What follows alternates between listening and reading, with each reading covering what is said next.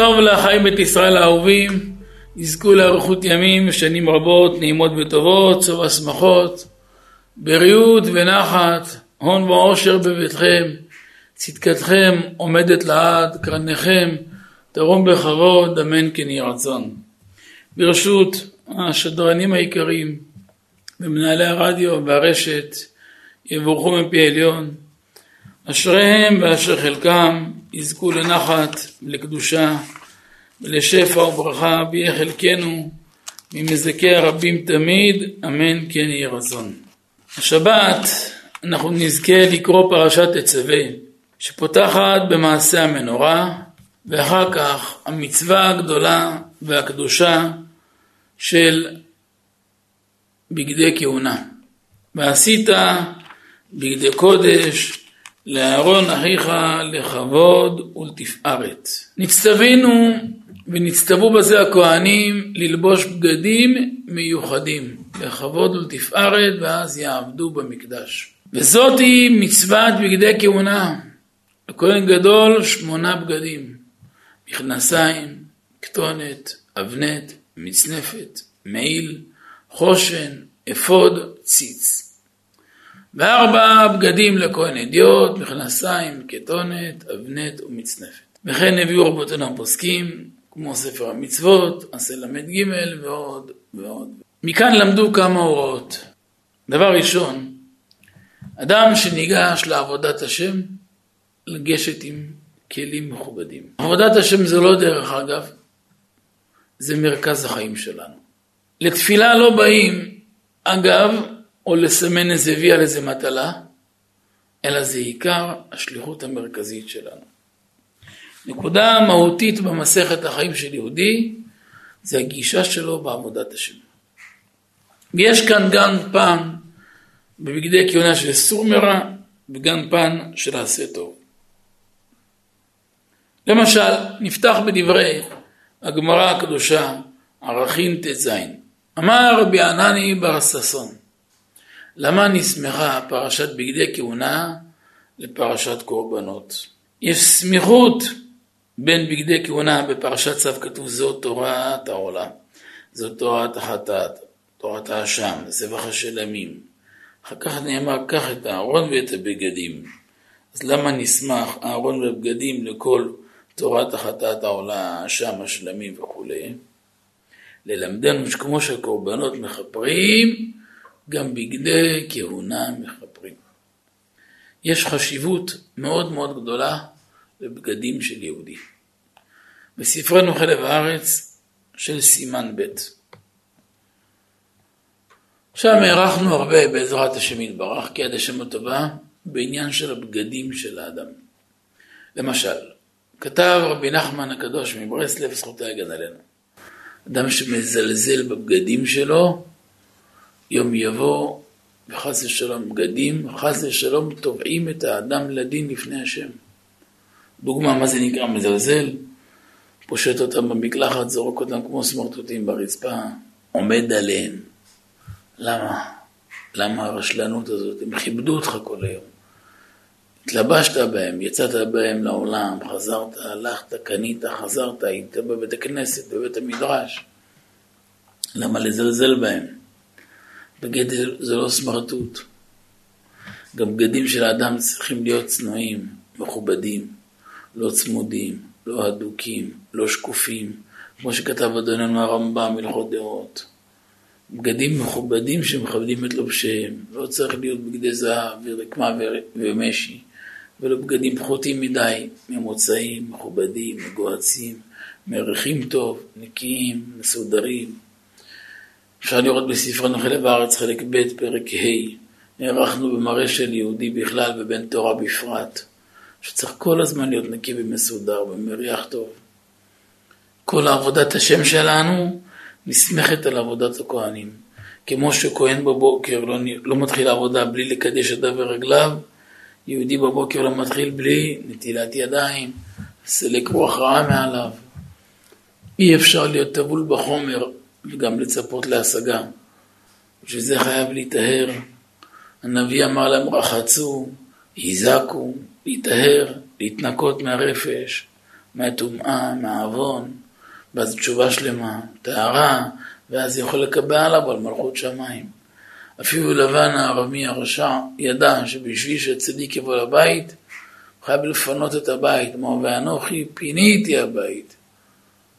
חייב לפנות את הבית, אומר הזוהר, מי זה הבית של האדם? דליבה דברנה, שלב של האדם זה הבית. שבוע שעבר דיברנו, נתבע הקדוש ברוך הוא שתהיה לו יתברך דירה בתחתונים. הדירה בתחתונים איפה היא נעשית? בתוך הלב שלנו. הלב של יהודי הוא מקום להשראת שכינה, אבל אם אדם חוטא, עושה דברים שגורם לסילוק של השכינה. למשל, ממשיכה הגמרא הקדושה, זה גמרא, כל זה גמרא רכין ט"ז, כטוענת מכפרת על שפירות דמים. מכנסיים מכפרים על גילוי עריות. מכסים מקום צנוע. לומר לאדם כל דבר יש את המקום שלו, הזמן שלו. בחסידות וקבלה מסבירים שקומת האדם נחלקת לגימל קומות. יש קומת הראש, יש קומת האמצע, הלב, החזה, ויש מותניים ומטה. והכל נסמך על הפסוק הקדוש, מבשרי אחזה אלוה. למעשה מי שמבין יודע שכל הסוד של הספר הקדוש והנורא עץ חיים מבוסס על הפסוק הזה, מבשרי אחזה אלוה. איך יהודי גורם שהקדוש ברוך הוא ישרה בתוכו.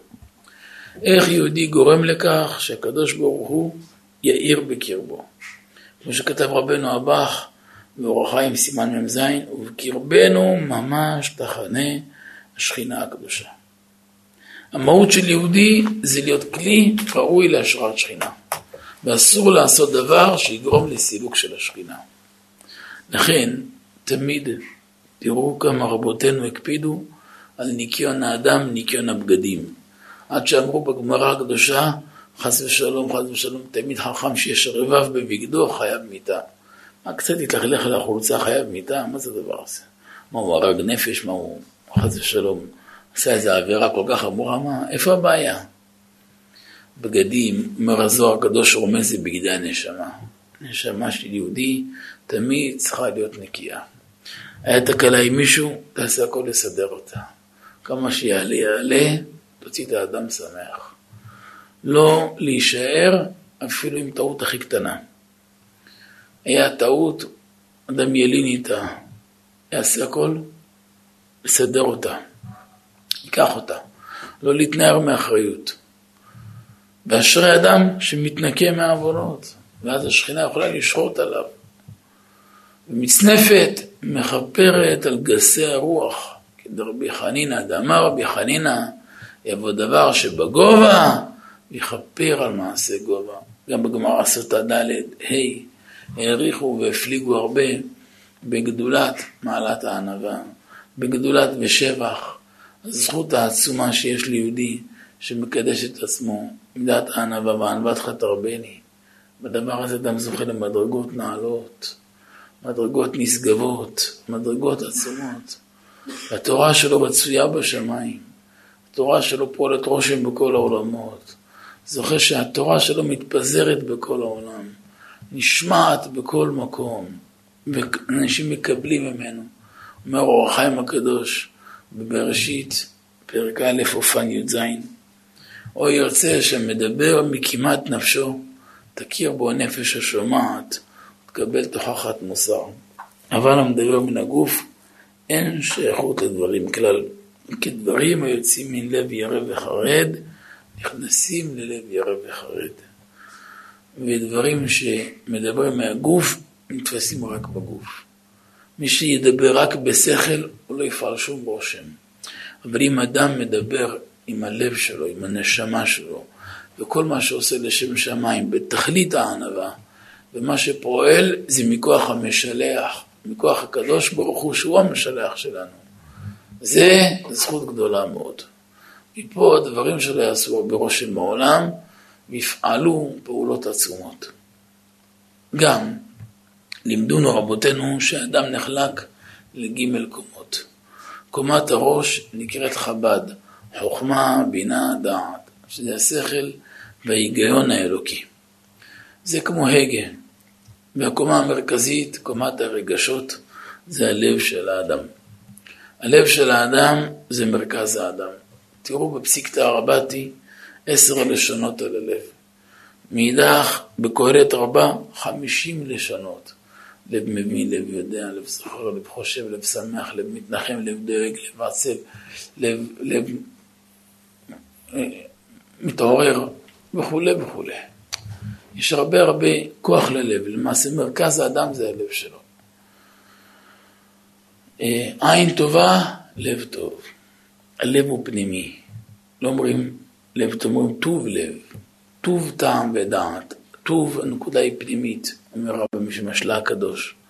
זה מרמז על עולם פנימי של האדם. ככל שליבו של האדם יותר טוב, טוב עין, ועם הטוב לב שלו להשפיע בזולת, לראות את הטוב שבכל אדם, ההתחשבות של כל אדם, בכל אדם, במיצר, בסיטואציות שהוא חווה, זה עצמו מפתח של ברכה, של שמחה ושל ישועה.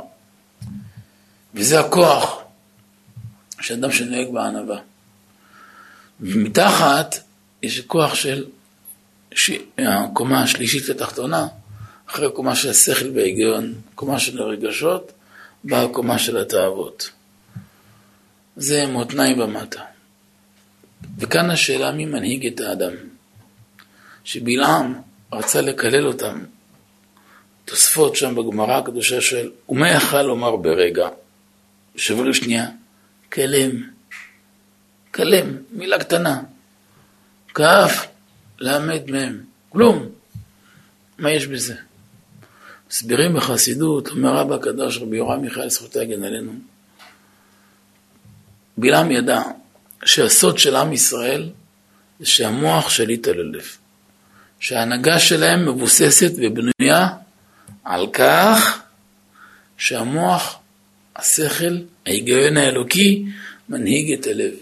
הלב זה כמו זה מרצדס, מאוד מפואר.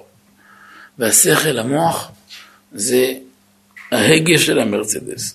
אף אדם נורמלי לא יעלה למרצדס מפואר. כמה שיהיה מפואר, אם לא, שהוא יודע שיש הגה טוב. אוטו בלי הגה, אף אחד לא יעלה, זה מתאבד.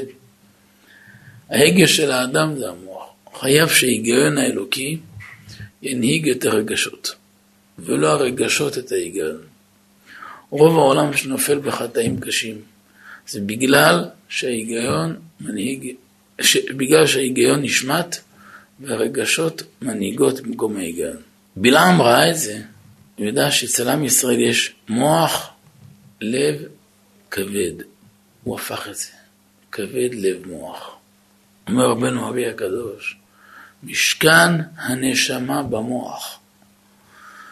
ככל שהנשמה יותר חדורה באדם, יש בו קדושה יותר, השכל וההיגיון שלו יותר בתוקף. גם כשהוא לומד תורה, גם כמצווה, גם בכל פעולה שלו.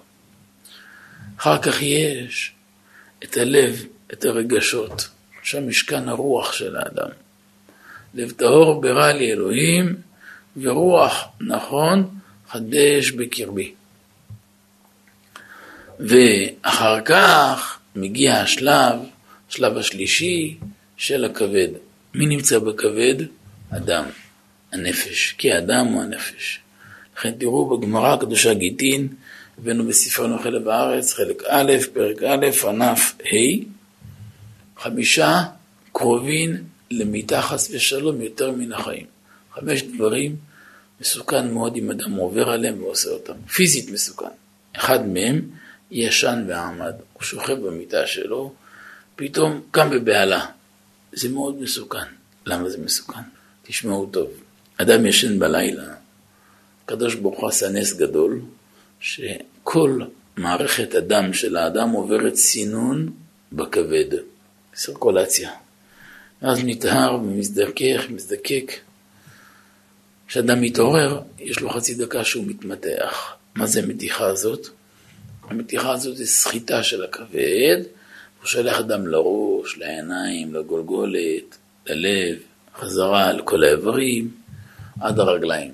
אם הוא קופץ ישר בקפיצה, עולה דם למוח, יורד, המצב הזה יכול לגרום לעילפון, לאיבוד הכרה ואיבוד חושים חס ושלום. אז מה צריך לעשות?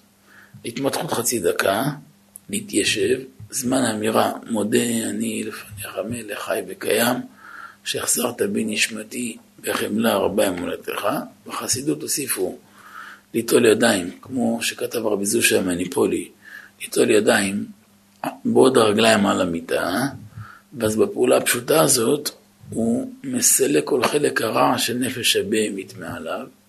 רבי זושה שמח את זה על הפסוק, התייצב על דרך לא טוב, רע לא ימאס. אדם שמתייצב על דרך, עומד על הרגליים לא טוב, לא בטהרה, כל היום הוא לא ימאס את הרע של נפש הבהמית. אבל אם אדם נוטל ידיים קודם, אז הוא כבר מסלק את הרע מעליו. בלעם ידע את כל הסוד הזה.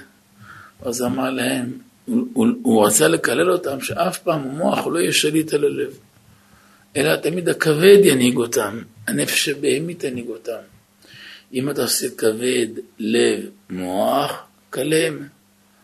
זה אותיות כלם. ככה הוא מכלה את עבודת השם שלהם. כי אז יצר הרע ישתלט עליהם, ולא יישאר מהם זכר חס ושלום. ותרועת מלך בו, השיב לו הקדוש ברוך הוא, מלך, אצלנו זה מוח לב כבד. הנשמה במוח, הרוח בלב, לב טוב, ברא לי אלוהים ורוח נכון חדש בקרבי, אחר כך הכבד. אנחנו משעבדים את הכבד, את הנפש שבכבד. זה גם הסוד של מצוות תפילין. במצוות תפילין אנחנו אומרים על השם ייחוד בבוקר, השם ייחוד נפלא מאוד, כל כך נפלא, גונז בתוכו כל כך הרבה אור, איזה זכות, איזה זכות שזוכים לקיים מצוות כתקנן. כשאנחנו מקיימים מצוות תפילין, אנחנו באים להניח, מכוון בענקם דברי שולחן ערוך בסימן כ"ה, והריני מכוון מהנחת ארבע פרשתיות אלו שיש בהם ייחוד שמו ויציאת מצרים ניחן על הזרוע כנגד הלב ועל הראש כנגד המוח. זה מתאים. למה המוח זה תפילין שבראש, שעבד הנשמה שבמוח ולשעבד הרוח שבלב, שהם מורים על ייחודו ואשר ללא הכוח והממשלה בעליונים ובתחתונים, בהם כרצונו והרני, תראו איזה מילים יפות, משעבד לקדוש ברוך הוא ישתבח שמה נשמה שהיא במוח ואת הלב, שהוא כנגד הזרוע שהם עיקר התאוות והמחשבות. יהודי באופי, בטבע שלו, חייב להיות משועבד. מי שזכה להיות משועבד לקדוש ברוך הוא, הוא אדם שמח. עבדי השם אנחנו, עבדים של השם ולא עבדים של פרעה. אבל מי שלא משועבד לקדוש ברוך הוא, אסור לו עול מלכות שמיים. זה שיעבוד לחומר, מתסכל אותו וגומר אותו. וזו הסיבה שהרבה בעולם סובלים. הם עוברים חיים מרורים מאוד, יש להם הכל ומר להם, יש להם פרנסה ומר להם, יש להם אישה נפלאה והם רואים כל היום בעיות. למה? איך יכול להיות? יש לך כזאת אישה נפלאה, כזה בעל יקר, אז למה לראות קנטורים? יש ברוך השם מה לאכול, יש פרנסה, יש מה לחיות, יש מה להתקיים, יש ילדים נפלאים כל כך, בריאים ושמחים וטובים. אז למה לקנטר? מה חסר להם? למה צריכים לטוס כמו פרפרים לחוץ לארץ כל הזמן? מה יש שם? מה יש שם שאין בארץ ישראל? איזה דבר הקדוש או טהור יש שם שאין בארץ ישראל? סיפר לי אחד מקרוביי, ידידי נפשי, לפני המון שנים. היה במערכת מסווגת במערכת הביטחון. היה איזשהו פרויקט משרד הביטחון שהציבו להם אז, לפני קרוב ל-40 שנה, אז בתנאים דאז, והם עמדו בו הרבה מעבר למצופה. אז המשרד פרגן לכל העובדים של המחלקה ההיא, טיסה שבועיים על חשבון המשרד, כל אחד עם אשתו, כל העובדים עם נשותיהם, לאיזה שבועיים טיול מיוחד בחוץ לארץ, כל מיני אטרקציות. אמרו לו, אתה בא? אמר להם, לא. למה אתה לא בא? אז הוא אמר להם, כל מה שתביאו תמונות משם, אני אביא לכם מארץ ישראל. אני אוהב את הארץ, לא רוצה לצאת מהארץ. אמרו לו, אין מצב, אנחנו נראה לך תמונות, לא תמצא בשום מקום בעולם. אמר להם, אני מחכה לכם. תחזרו, תנו לי שבוע חופש. הוא המשיך בשבועיים רגיל, הם נסעו והוא נשאר לבד. אחרי שבועיים הביאו לו אלבום, איזה 400 תמונות. אמרתי לכם שבוע, תנו לי שבוע. נסע שבוע רק בארץ. ואותן תמונות שהם הביאו, הביא להם תמונות, אותן תמונות, אבל רק יותר יפות, יותר מהירות ויותר מיוחדות, עם נופים הרבה יותר משתקים ומרהיבי עין, ברמה של עוצר נשימה. אמרו לו, איפה זה? הצביע להם כל דבר כתובת. אמר להם, אין דבר שאין בארץ, יש הכל כאן בארץ. יהודי קדוש, הוא תמיד ימצא את הטוב. כשאדם תפוס בחולין, הוא נתקע על המקומות האלו. לפעמים אדם לא זוכה להתחבר לקדוש ברוך הוא באמת, רק כשיש לו צרה. זה נקרא בעת רעתם, יום רוקומו הושיענו. יש לו איזה בעיה, חס ושלום לו איזה מחלה, יש בעיה עם איזה בן, עם איזה בת, חס ושלום קצת מתחילה לזלוג מהדרך, אז מתחילים לפחד, אז מתחילים אה, להגיע, לשאול שאלות. זה גם טוב, זה תכלית? לא, זה לא תכלית. בספרנו חלב הארץ, חלק שביעי, פרק י"ב, ענף ג'. הבאנו שם מאמר נפלא מאוד ומסמר כאחד. עד היכן תכלית איסורים? איפה התקרה של האיסורים? איפה היא נמצאת? בגמרא אמרו, יש אדם רוצה להכניס יד לכיס להוציא חמש שקל, יצא עשר שקל. זה נקרא איסורים מכפרים. או, יופי, שמענו. ויש אחד, בא לצאת לעבודה והוא מאוד ממהר, בדיוק הסעה הגיע, ועכשיו בא לצאת, אף לא כפתור. היי, אני אלך כל היום בחולצה בלי כפתור, זה לא נעים. אבל הסם צופרת למטה, שתי דקות, לחוצות, כל השכונה, לא נעים. הלחץ הזה, זה גם איסורים מכפרים.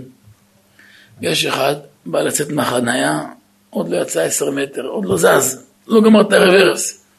שומע איזה צפירה, איזה שוטר, נסעת בלי חגורה. לא נסעתי, רגע, אני מוציא את האוטו. רגע, שנייה, בודק משהו. רפורט, במקרה הטוב, 180 שקל. אתה יודע מה, שילך צדקה לבית מדרש. למה ילך לשוטר? למה זה? טוב, בעוונות. יש אחד הגיע לעבודה, פתאום הבוס צועק עליו, בייש אותו. אך, נשפך עליו איזה דלי מים קרים. ויש אחד מגיע הביתה, לא נכנס הביתה, אשתו שופכת עליו איזה דלי של רותחין מהמדרגות. חוץ מהבושות, חצי שכונה, גם יאללה, תכנס עכשיו כזאת קלחת הביתה, כפרת עוונות. ויש אחד, תבוא מתאשפז בבית חולים, לא מרגיש טוב, שמשלח רפואה שלמה כל חולי עמו ישראל, התמיד בריאות על בחיי הבריאים. יש אחד צריך לעבור כימותרפיה שלוש שנים. אז גם לא עבודה, גם לא בית, גם לא חיים, גם לא זוגיות, גם לא פרנסה, גם לא משפחה. כל יום רואה את החיים תלויים מנגד, ישרוד, לא ישרוד, יעבור, לא יעבור. חוץ מאשר בושות ומאבקים שעובר ומלחמות קשות. איפה, איפה התקרה של האיסורים? כל זה נקרא איסורים מכפרים. למה צריך לעבור כל כך הרבה דברים? למה צריך לעבור כל כך הרבה טרגדיות? למה צריך את המכות האלו? זו שאלה שכל אדם אמור לשאול את עצמו, ואולי עכשיו מנקרת לו בראש. ואז כתבנו בספר חלב הארץ, חלק שביעי, בעניין הזה. אגב, אחת הסדרות המאלפות ביותר בין פרט יוסף, שאני ממליץ לכל יהודי שמבקש להתקדם בעבודת השם. ללמוד חלב הארץ חצי שעה כל יום, מהקדמה של חלק א' עד איזה חלק שיצא. שתי סדרים, אל תפסידו אף פעם. סדר של בית צור ירום האדום, הוצאת בית מדרש שלנו המאיר לארץ, הפצת תורה חובקת עולם, לא הלבן, שנמכר בציון, האדום שיוצא מבית מדרש המאיר לארץ.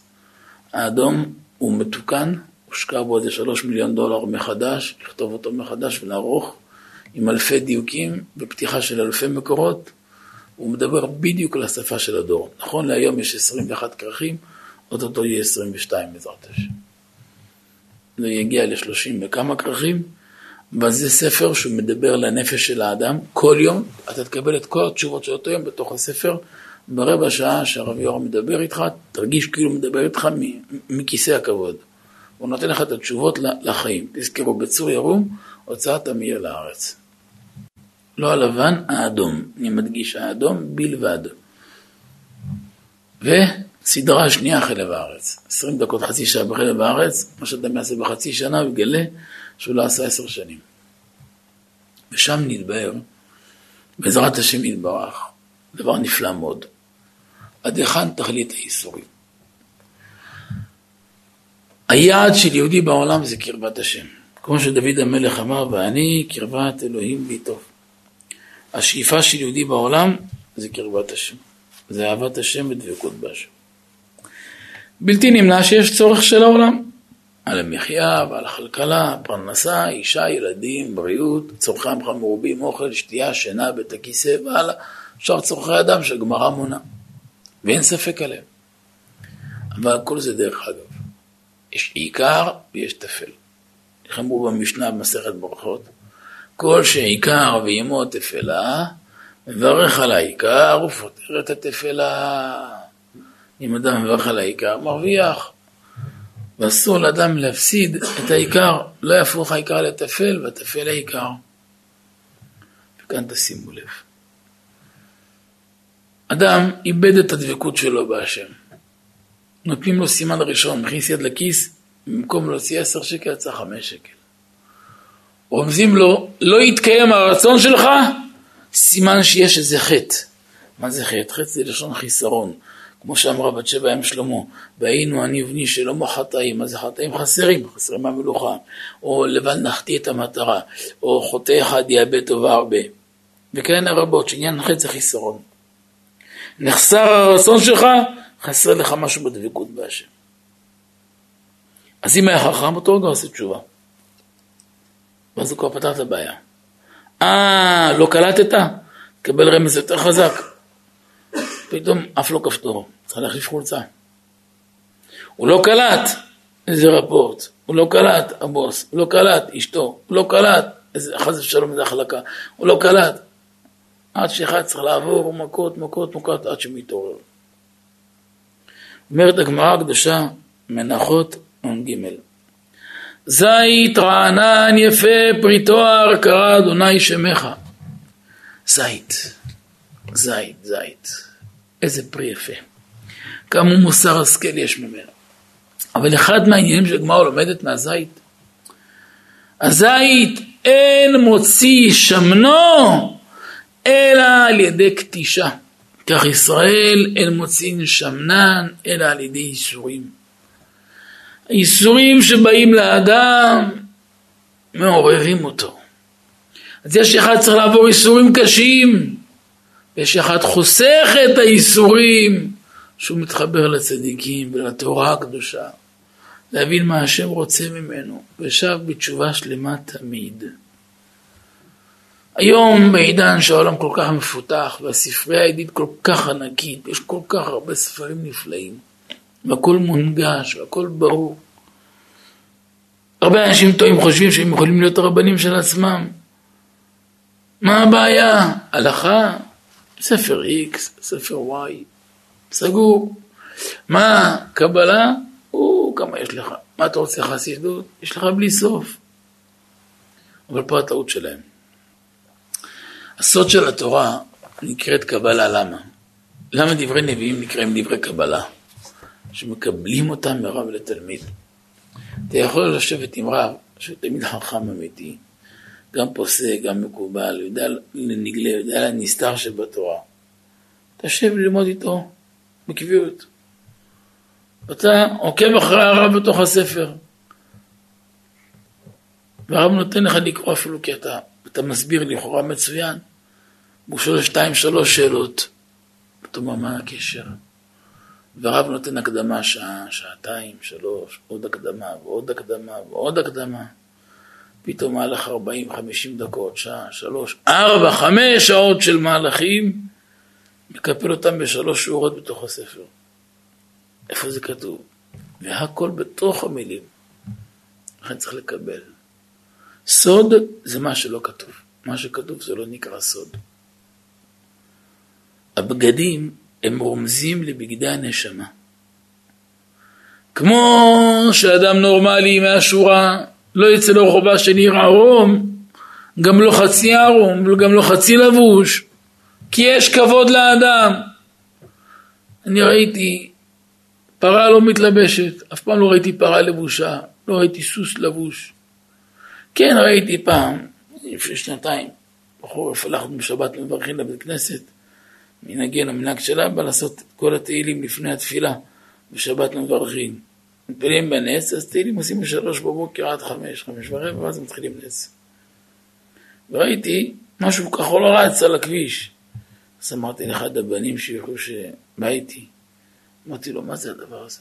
אבא זה כלב. אמרתי לו, כלב כחול? הוא אמר, לא, יש לו דובון. אה, אתה לא רציני. כשחזרנו לבית כנסת בעשר, אחרי השיעור, אחרי קידוש, בשיעור שעושים אחרי התפילה, הכלב עוד פעם עבר. אמרתי, אה, צדקת. אז היום יש חידוש בעולם שלא היה פעם, יש פנסיון מלא לכלב. יש לו גם דובון, יש לו פני הדור כפניה. זה לא המקום שלנו. יהודי לא שם. הבגדים של יהודי זה רמז גדול לבגדי הנשמה שלו. אף פעם לא יהיה מלוכלך. התלהלכת במשהו, יכול להיות, עצור את החיים, תסדר אותו. תסדר אותו, תסדר אותו, תסדר אותו. תסדר אותו. אז המכנסיים מכפרים על גילוי עריות. רמז שאדם צריך להיות קדוש. שום דבר בגוף לא צריך להיות בולט, להיות צנוע כמה שאפשר. אבל הצניעות מתחילה במחשבה. בספרנו חלב הארץ חלק ב', פרק ו', כתבנו על הצניעות. צניעות זה לא דבר של מה בכך. צניעות זה יסוד של היהדות. זה גם עניין אסור מרע, גם מעשה טוב. אסור מרע שלא לבלוט, לא למשוך תשומת לב מיותרת, לא לעשות דברים שמעוררים השתאות. צניעות במחשבה, צניעות בדיבור, צניעות במעשים, צניעות בלבוש, צניעות בהנהגה של האדם, בבית, צניעות על השולחן. תראו, הרב הקדוש רבי ישראל נג'רה, היה בדור של רבנו אריזל, היה גרלת רבנו ארי הקדוש בצפת, היה משורר שירים עצומים. אגב, הרב הקדוש הזה איש אלוקים, הוא קבור בעזה. אבא עטרת ראשנו רבי יורם מיכאל היה אומר שהזכות שלו מגנה עלינו מכל הישמעאלים שיש שם בעזה. הוא, הוא קבור בלב עזה. בישראל נג'ר חיבר הרבה הרבה הרבה פיוטים שירי קודש עצומים. הוא היה שר בדבקות רבה בליל שבת עד אמצע הלילה. והיה רבנו ארי רואה כל שבת יורדים להכות, להכות, להכות של מלאכי השרת מקיפים את הבית של רבי ישראל נג'רה, מצטרפים איתו לשירה לכבוד הקדוש ברוך הוא, והוא לא ידע מזה כלום. ליל, ליל שבת אחד היה קיץ חם, אולי 40 מעלות, הוא כל כך הלוחם הוריד את המעיל שלו, העליון היפה של שבת, אז היה לו חליפה, נגיד אולי כמו נגיד חולצה קצרה או משהו, קצת השרוול שלו היה גלוי. פתאום בשנייה כל המלאכים, מיליונים מלאכים, הסתלקו. רבנו ארי הסתער, אמר להם, למה? זה יהודים בדק, רבנו ארי יודע לעלות למעלה, לבדוק כל העניינים.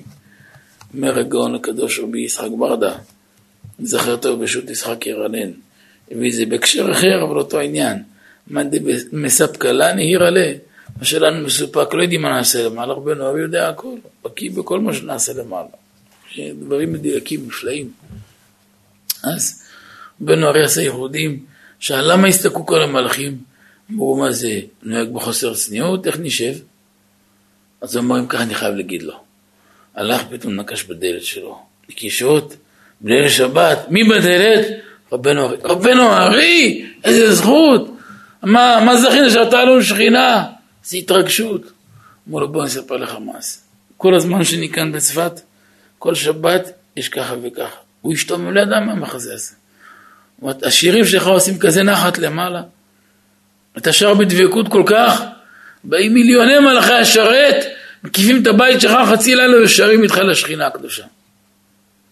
אבל איך שהורדת החליפה והמעיל, שרוול קצר, רק שרוול קצר ככה רגיל, הסתכלו כל המלאכים ברחו.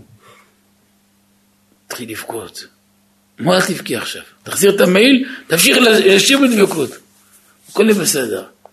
החזיר המעיל, לבש עוד פעם צניעות כמו שצריך יראת שמיים, חזרו כל המלאכים, חזרה השכינה לעיר. למה אני מספר לכם? אדם חושב, צניעות זה רק משהו קיצוני, לא. כל פעולה שלה היא חשובה. אם יהודי יזכור שכל תנועת עבר שלנו, כל תנועת אצבע שלנו מזיזה מיליוני מלאכים למעלה. כמה הוא יחשיב את זה? אותו דבר כל מילה. הדיבור שלנו זה מקשר אותנו עם הקדוש ברוך הוא. ומותר האדם מן הבהמה אין. איפה ההבדל בין האדם לבהמה? הולך על השתיים? נכון. מה עוד? כוח הדיבור. זה עיקר. בדיבור הזה מה אתה עושה? אתה חונה לאדם דעת, מלמד לאנוש בינה, שיבנו אבינו תורתך, סלח לנו, ראינה בעוניינו. מבקש ישועה מכל הצרות, רפאנו, רפואה לגוף, רפואה לנפש, רפואה לבית, לאישה, רפואה לכל העניינים, רפואה למידות הרעות. אחר כך, ברך עלינו, הפרנסה של האדם. אחר כך תקע בשבר גדול, קיבוץ נדחי ישראל, קיבוץ גלויות, וכן על זה הדרך. דברים עמוקים, עצומים, נשגבים, נשגבים מאוד, מאוד מאוד נשגבים הדברים האלה. זה לא שווה לכל נפש. אדם פתאום בדיבור הזה מזהם אותו בלשון הרע, ברכילות, בשקר, בדברי נבלה. אז יתלכלך הצינור. יש לך מים מינרליים, מים של מעיין, מי שישתה אותם יקבל חיים, מתוקים מדבש. פתאום העברת בהם ביוב, בצינור הזה. אז זה כבר לא מינרלים, זה ביוב. לא, לא הרבה, רק קצת גדולים, רק קצת בעיות יש שם, רק קצת... זה ביוב, זהו, מי יכול לנגוע בזה? זה הולך למקסימום להשקיה, גם לא. שהדיבור מתערבב, זה בעיה קשה. אז זה גם בא מעיל, מעיל מכפר על לשון הרע. אמר הקדוש ברוך הוא יבוא דבר שבו כל יכפר על מעשה הכל. ציץ מכפר על עזי פנים, עזות פנים. חוץ מהכבוד, אותה אישה שחוטאת, נקרא מצח אישה זונה, היה לך, ככה נביא הוכיח, ירמיה ג' שם. האפוד מכפר על עבודה זרה, תראו בחינוך, תל"ב, ל"ג, ולא תטורו. דעות שהן הפך דעת התורה, דעות שהן זרות לתורה. חושן מכפר על הדינים, אבנט מכפר על ערעור הלב.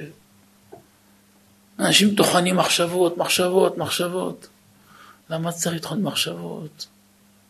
דיבור של יהודי יוצר מציאות. יהודי קדוש, הדיבור שלו קדוש, בורא מציאות. אבל דיבור מזוהם יצר מציאות אחרת. אז אמרו בש"ס, בגמרא הקדושה, לעולם אל יפתח אדם פיו לשטן. חס ושלום, זה מאוד מסוכן. אם אדם קדוש, הוא קונה עולם, הוא מרוויח. הוא מרוויח. אמר הקדוש ברוך הוא, יבוא דבר שבכל ויכפר על מעשה הכל, זה לשון הרע. זה הדיבור, זה מקלקל הצינור. כל המים שעוברים שמה, הם מתלכלכים. תראו מה זה כוח של יהודי. לכן שיהודי נוהג בקדושה, המחשבות קדושות, הדיבורים קדושים, המעשים שלו בקדושים, שכינה שורה עליו. זאת ועוד. קבלה מבואר שכל דיבור של יהודי בורא גופים רוחניים. וכל גוף צריך נשמה. אז כמו שבנו יש נשמה, וכל עיקר החיות של האדם זה הנשמה שבו, המחשבה של האדם זה סוד הנשמה שבגוף. זה הסוד תפילה בלא כוונה, כגוף בלא נשמה. תאמר אלוהינו ולאבותינו זכרון וזכרון טוב מלפניך ופקודין ופקודת ישועה ורחמים משמי שמי קדם. אתה קורא מילה מילה ומתכוון, כל מילה בור הגוף רוחני, הכוונה זה המחשבה שבפנים, זה נשמה שבגוף. אבל אם המחשבה של האדם מנותקת, אז אין נשמה, זה גופים טמאים, מתים. אדם שהולך בדרך וכל היום רק נייס, שיחה בטלה. גם לא לשון הרע, שיחה בטלה. עצם השיחה בטלה שהיא לא לצורך, יש דברים צורך, נגיד ענייני פרנסה, התלבטות בחיים, אז זה לא בטל. זה חולין, אבל זה לא בטל. אבל סתם נייס, אה, נגיד פוליטיקה. עצם הדיבור הזה בורא קליפות ומזיקים באוויר של העולם. מישהו יבוא אחריך, האוויר נהיה מזוהם, נהיה מלוכלך. אומר הרבי בספר היום יום איך מתקנים ומתארים את האוויר, פרקי תהילים, אמירת פרקי משניות, דברי תורה, קטעי זוהר, לשונות גמרא, פרקי תניא, או כל ספר קדוש שזה נקרא דברי תורה, אומר דברי תורה באוויר, מטהר את האוויר. יש רושם להבדיל, אני אספר לכם סיפור. סיפר לנו אבא לפני המון שנים, אולי שלושים שנה, שסיפר לו, קרוב לשלושים שנה לפני, הגאון רבי יעקב מייזליש, יזכר לטוב. רבי יעקב מייזליש, הוא זכה לשמש את החזון איש שלוש שנים. נפטרה אשתו של חזון איש, והרב היה מבוגר, הלך לגור לבד, בחרו בחור ישיבה שיהיה גם פנוי, שאין לו התחייבות של אישה, וגם חריף שכל, וגם קדוש, ושמור, וגם מבריק, וגם חרוץ, וכל מיני מגבלות, שיוכל לגור עם הרב 24-7, והרב היה סיעודי בערוב ימיו. צריך לטפל בו הרבה, ומצאו אותו, הוא התמסר מאוד מאוד לרב. אז הרב גם מסר לו הרבה, חוץ מהחוכמה שלו, היה כותב עם הרב, לומד עם הרב, חברותא, הולך עם הרב לישיבה, חוזר, רוחץ אותו, מלביש אותו, מאכיל אותו, מטפל בו. חוץ מאשר זה, גם מסר לו הרבה רזי חוכמה. יום אחד הוא היה חוזר עם הרב מהישיבה לבית, הפסקת צהריים. לטעום משהו. פתאום באמצע הדרך הרב עוצר, באמצע הדרך, באמצע בני ברק. הוא עומד באיזה בלטה, כמו אתמול, אברך רבי פלוני ואברך רבי אלמוני הלכו בצהריים, ורבי פלוני הזכיר את הגמרא ההיא, ורבי אלמוני הקשה לו מהגמרא ההיא. והוא תירץ על פי התוספות ההוא, והוא פרח מדברי הרמב"ם במקום ככה, והוא ייסד מהמדרש ככה, ומהזוהר ככה, ובבית יוסף כתוב ככה. הביא לו מהלך רבע שעה של דברים עמוקים מאוד. היה לו תימה, ושתק.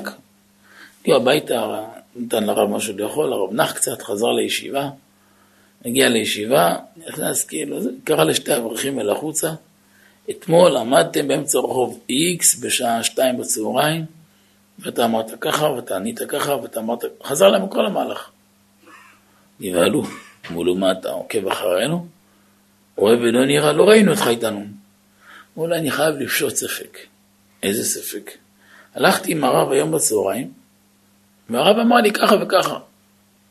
אמרו אמת לאמיתה. דבר אחד לא נפל, מילה אחת לא נפלה ארצה. עכשיו, שלושתם היה להם תימה, שלושתם ניגשו לחזון איש.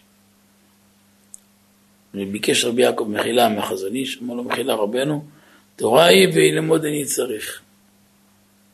אני צריך ביור על הפשט שראיתי, פשט למה שראיתי בצהריים. הלכתי עם הרב, הרב חזר על מהלך שלם, אמת לאמיתה. מניין לרב? מה זה רוח הקודש? הסתכל עליו בחמיץ פנים, מעוטי מה עליך.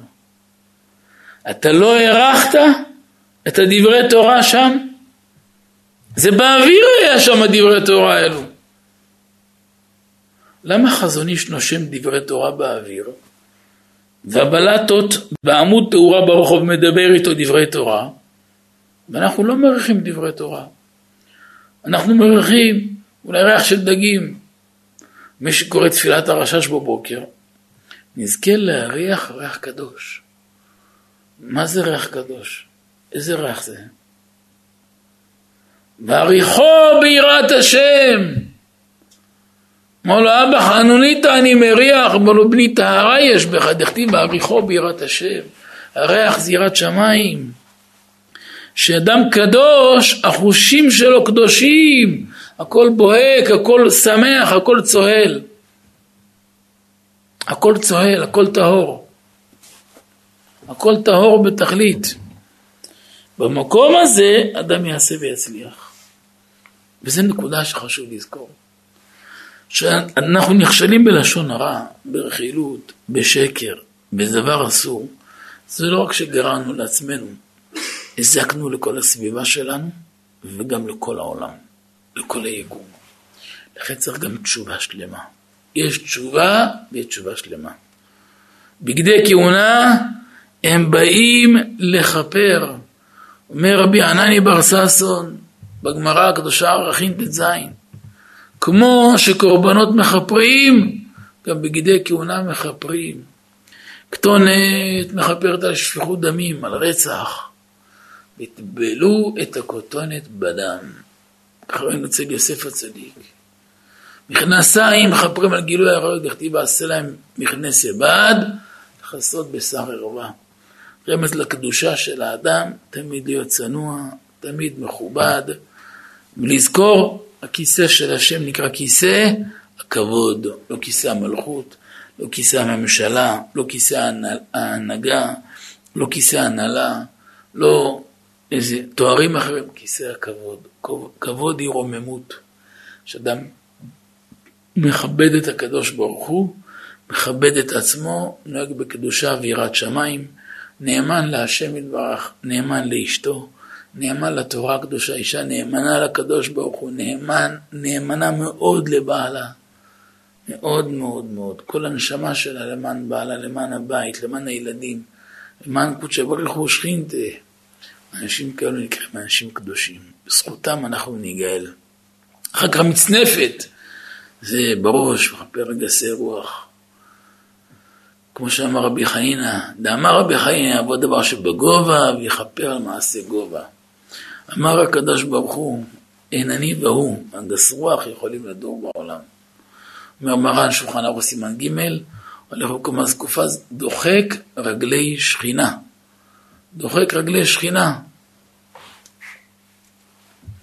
וצריך לדעת שזה עיקר העבודה של יהודי בעולם, זה הענווה וההכנעה שבו. אחר כך הבגד הרביעי, אבנת מכפר על ערעור הלב. אומר, אומר רש"י שם, הזבחים, בפחת, חוגרים האבנת כנגד אצילי ידיהן, היינו כנגד הלב. תוספות כתבו כאן, על אתר, אבנת מכפר על ערעור הלב, האיכא דאיתא, ואבנת הוא כמו חגור של שש ארוכה מאוד.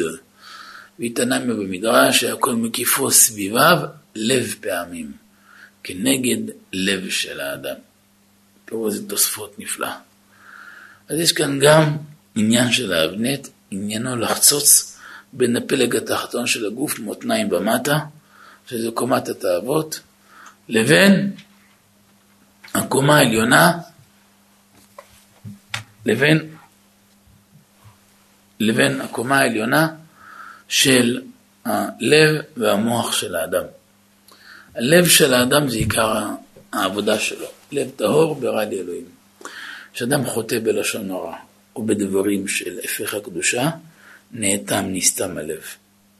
נסתם הלב זה כמו שיבוא מישהו ויוריד את השלטר. הוא לא שבר שום מכשיר חשמלי, הוא לא חתך שום כבל, הוא לא ניפץ שום מנורה, אפילו אחי, כלום לא עובד, אין הרגש. אומר רבי אלחונן וסרמן בקובץ שיעורים, כאשר בטל הרגש הלב, אדם יכול לעבור כל האריות. לכן צריך תמיד לדאוג שיהיה הרגש בלב. הרגש זה חוש השישי. יש לנו חמישה חושים, ראייה, שמיעה, ריח, טעם ומישוש. האדם מתקדש, יש לו, מתפתח בתוך החוש השישי, ההרגש שבלב. והחושן מכפר על הדינים שנאמר ועשית החושן משפט. האפוד מכפר על עבודה זרה. כמו שכתוב אין אפוד וטרפים. המעיל מכפר על לשון הרע. אמר הקדוש ברוך הוא יבוא דבר שבכל. מכפר על מעשה הכל. וציץ מכפר על עזי פנים. עזות מבטא אדם שחטא בענייני קדושה. כשאדם שומר על הקדושה שלו, זה גורם להשראת שכינה. אני רוצה להודות מעומק הלב למאזינים היקרים של כל ברמה, אלו שזוכים לקבוע קביעות איתנו כל שבוע בשיעור הנפלא הזה. תודה גם ליורם ויורם יצחק וזנה. באולפן של כל ברמה. תודה למאזינים היקרים. תודה לכל אלו שזוכים להיות שותפים למוסדות הקדושים המאיר לארץ, הפצת תורה חובקת עולם, שגם זוכים להיות שותפים איתנו בזיכוי הרבים, הפצת התורה. זכות בגדי כהונה נזכה לקדושה, בשמחה וטהרה. נזכה שהנשמה שלנו תהיה מהירה ובוהקת לפני השם תמיד, אמן כן רצון.